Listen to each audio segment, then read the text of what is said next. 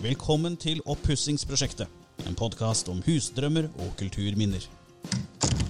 Ja, Hvis det er et kulturminne, i hvert fall, da, så kan en godt akseptere at det er en synlig reparasjon.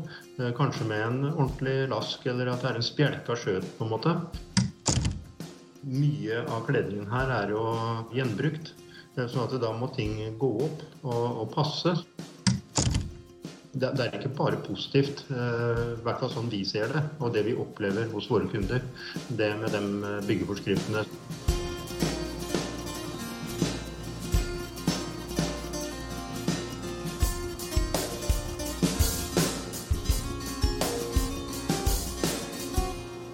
Beveger oss vekk fra bydalen i Fredrikstad denne gangen og tar turen over til Gressvik i samme by.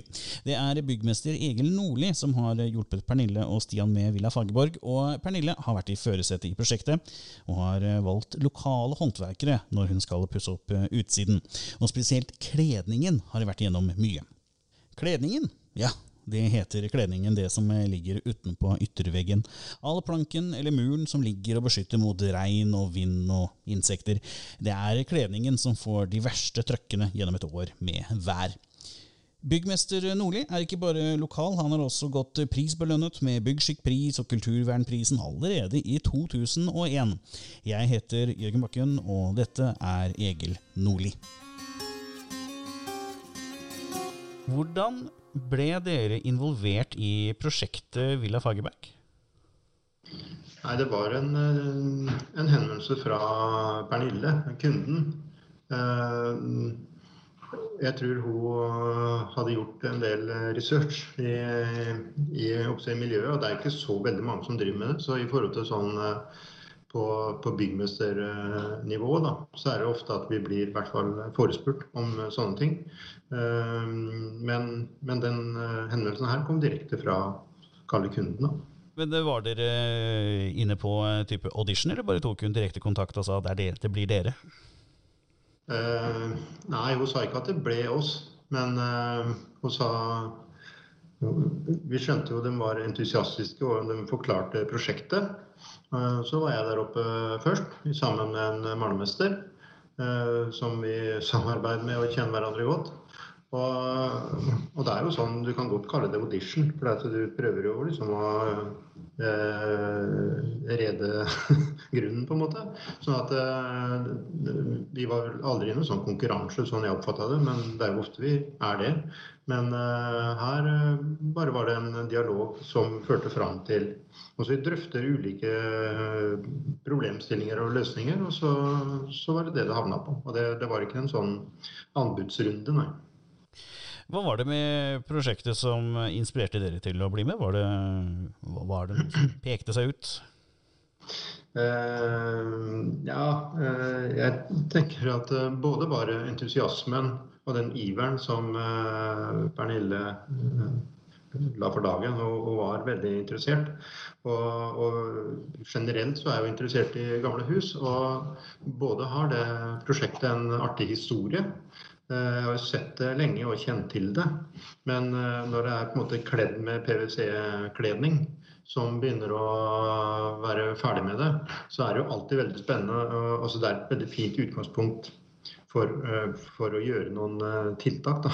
Altså Nesten uansett hva du ville gjort, så ville det vært både spennende og, og ført fram til noe som var bra. Og, og her så regner jeg jo med at det som var under egentlig var ganske bra. Eh, Det samme er jo hvis det er eternitt, eller hvis det er andre ulike sånne ting som er slått utapå. Så er det jo en slags eh, Det er vel ikke akkurat kulturbevaring, men, eh, men det blir jo sjelden ødelagt, det som sitter under. Så derfor så, så fanga vi interesse for det.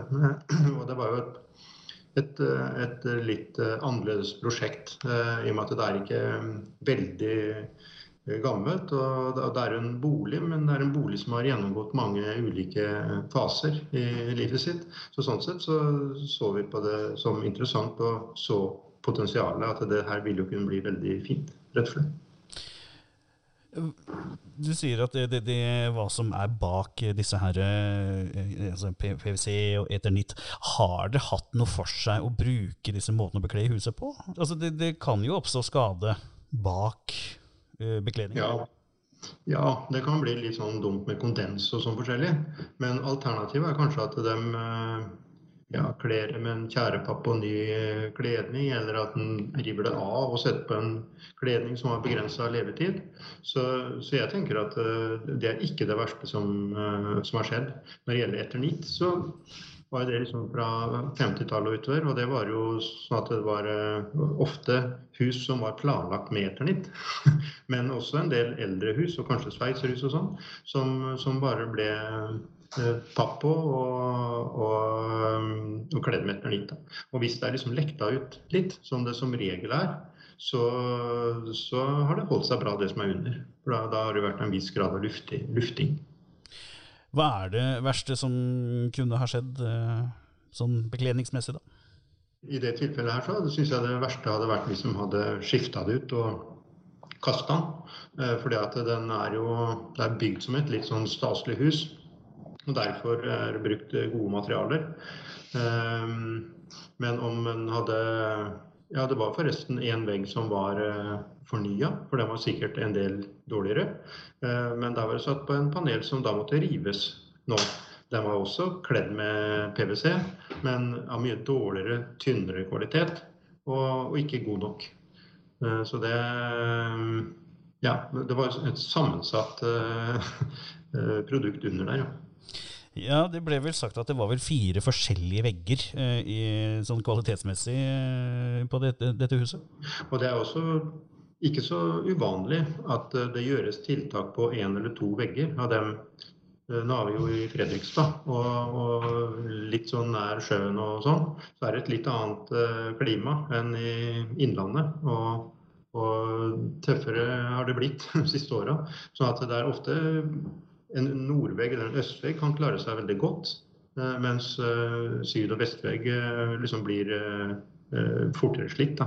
Og Derfor er det gjort da, ulike tiltak. Det er, det er veldig alminnelig på, på eldrehus.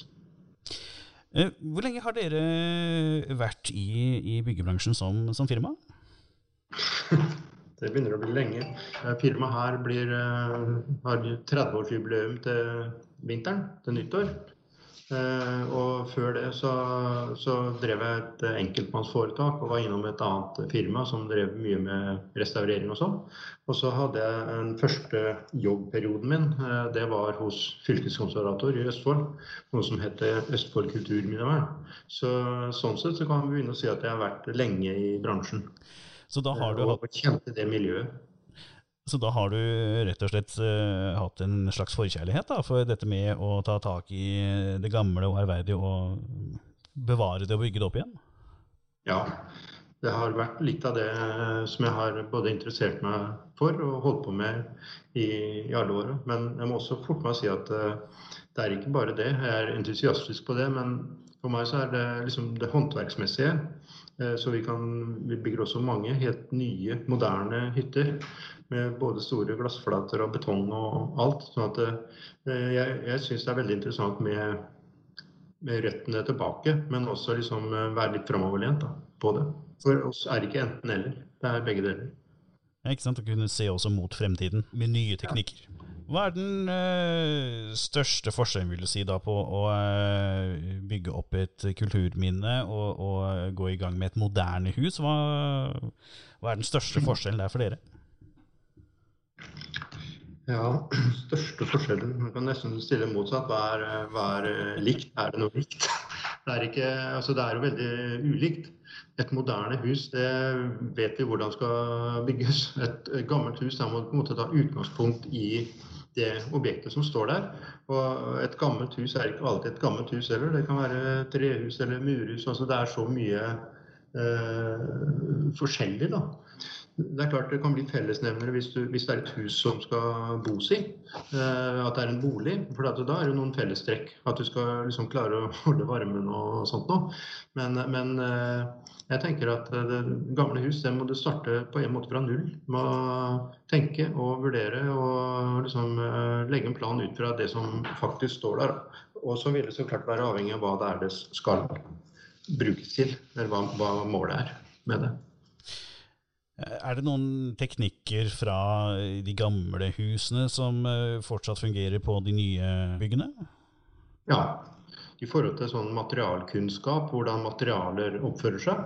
Eh, det har vi masse glede av. Vi bruker jo mye altså massive produksjoner. Eh, og, og, kanskje særlig sånn i forhold til fuktdynamikk og, og inneklima og sånne ting. Vi foretrekker også når vi bygger nye hus å bruke altså pustende materialer. Da. Eh, dampbrems. Vi bruker ikke plast hvis vi kan slippe. Eh, vi bruker cellulosefiber eller trefiber. Eh, som har egentlig den samme egenskapen som ja, f.eks. et tømmerhus. Sånn at vi tror, og vi blir trodd på òg, at det, det, gjør, det, gir et godt inneklima. Og, og god ja, trivsel og helse og sånne ting. Det tenker jeg er å ta med seg fra gamle, gamle hus. Ja, for det er mange hus som bygges i dag under de nyeste forskriftene som er, de oppleves nærmest som hermetisk lukket. Med mindre du ja. har et avsug som virker hele tiden. Ja.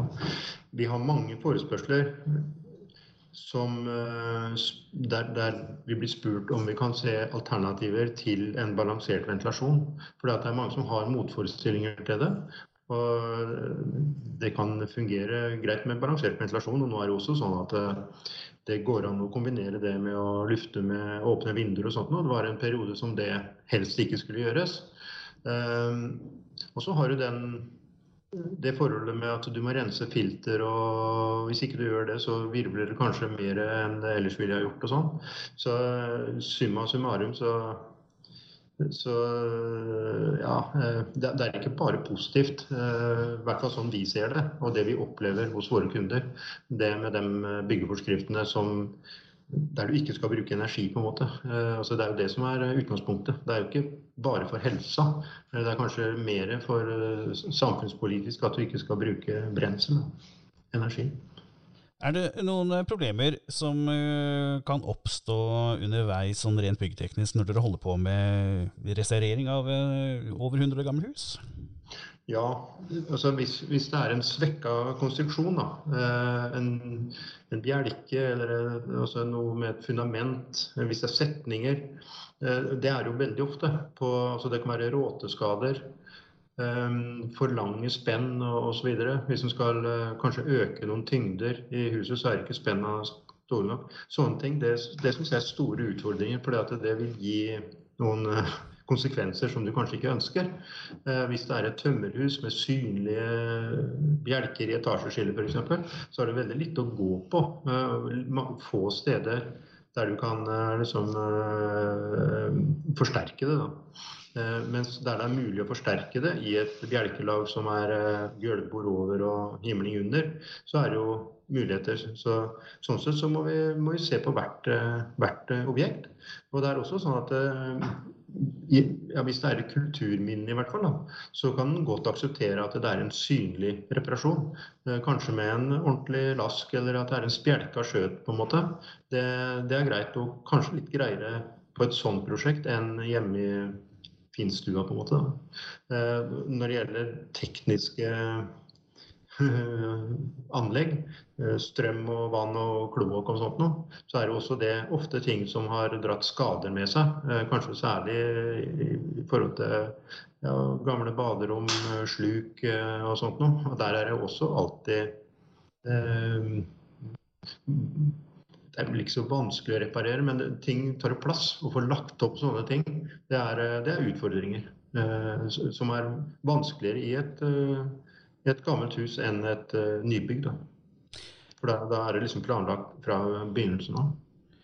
Men eh, nå har man vel kanskje kommet så langt at det, det er mulig å uh, få et gammelt hus sine strøm og kloakk til å passe inn i det mer moderne igjen? Ja, det, det, er, det, er, som regel ikke noe vanskelig. og Hvis det er, et, eh, hvis det er en bolig, da, selv om det er et gammelt hus, så at du definerer et område som, eh, som der det er tekniske installasjoner, så er det også etter min oppfatning helt akseptabelt.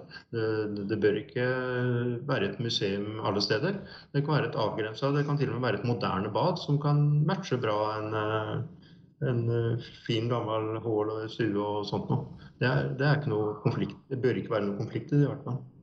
Kunne Pernille og, og Stian gjort denne jobben selv? Ja, hele jobben er kanskje litt uh, vanskelig. For noe av utfordringen her, det er å få tillagd og skaffa fram uh, og kanskje montere uh, tilsvarende kledning. For det første så er ikke det kledning som er å kjøpe på byggevaren.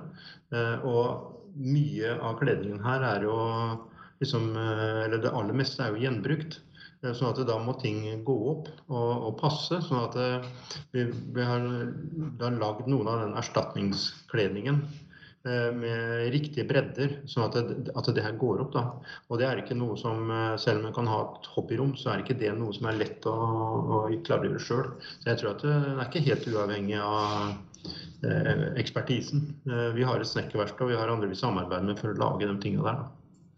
Eh, og gjerne da Eh, materialer fra et riktig sagbruk.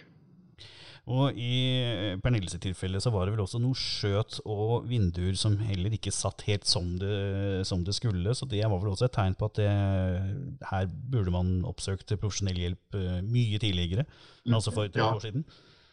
Ja, og det, det, er på en måte det viktige Eh, at, at, huset skal være tett. Både taket bør være tett, og det må være tett rundt vinduer og sånt noe. Hvis det er lekkasjer der, så, så vet vi jo hva som eh, Det er, det er ikke greit. Eh, når det gjelder Pernille og Stian, så er det jo altså De har jo gjort veldig mye sjøl eh, som egeninnsats, med mye research, mye riving, og skaffa fram masse bilder, eh, de skraper maling. De har nok å holde på med. sånn at det, det er kanskje greit å altså det, er, det er en sånn deling på det. da. Det er, eh, det er god anledning til egeninnsats, så Markus satt bort hele, hele pakka. Bare for å oppsummere, du kan altså gjøre ting selv, men det begynner å bli vanskelig og tidkrevende når det kommer til kledningen. Maling, ja der kan du fortsatt gjøre ting selv, men også der er det jo veldig fint å ha god og profesjonell hjelp. I første episode snakket Pernille om at de først fikk avslag da de sendte inn søknad til oss i Kulturminnefondet, og når vi vender tilbake, da har jeg med meg fagansvarlig for Viken fylke, Marianne Magnussen, som skal ta oss gjennom en typisk søknadsprosess. For du har et kulturminne, men hvordan kan du få dekket en del av kostnadene som ligger i det? Alt dette og mer til i fjerde episode om Villa Bydalen. På vegne av Kulturminnefondet så sier jeg takk for at du hørte på. Mitt navn er Jørgen Bakken.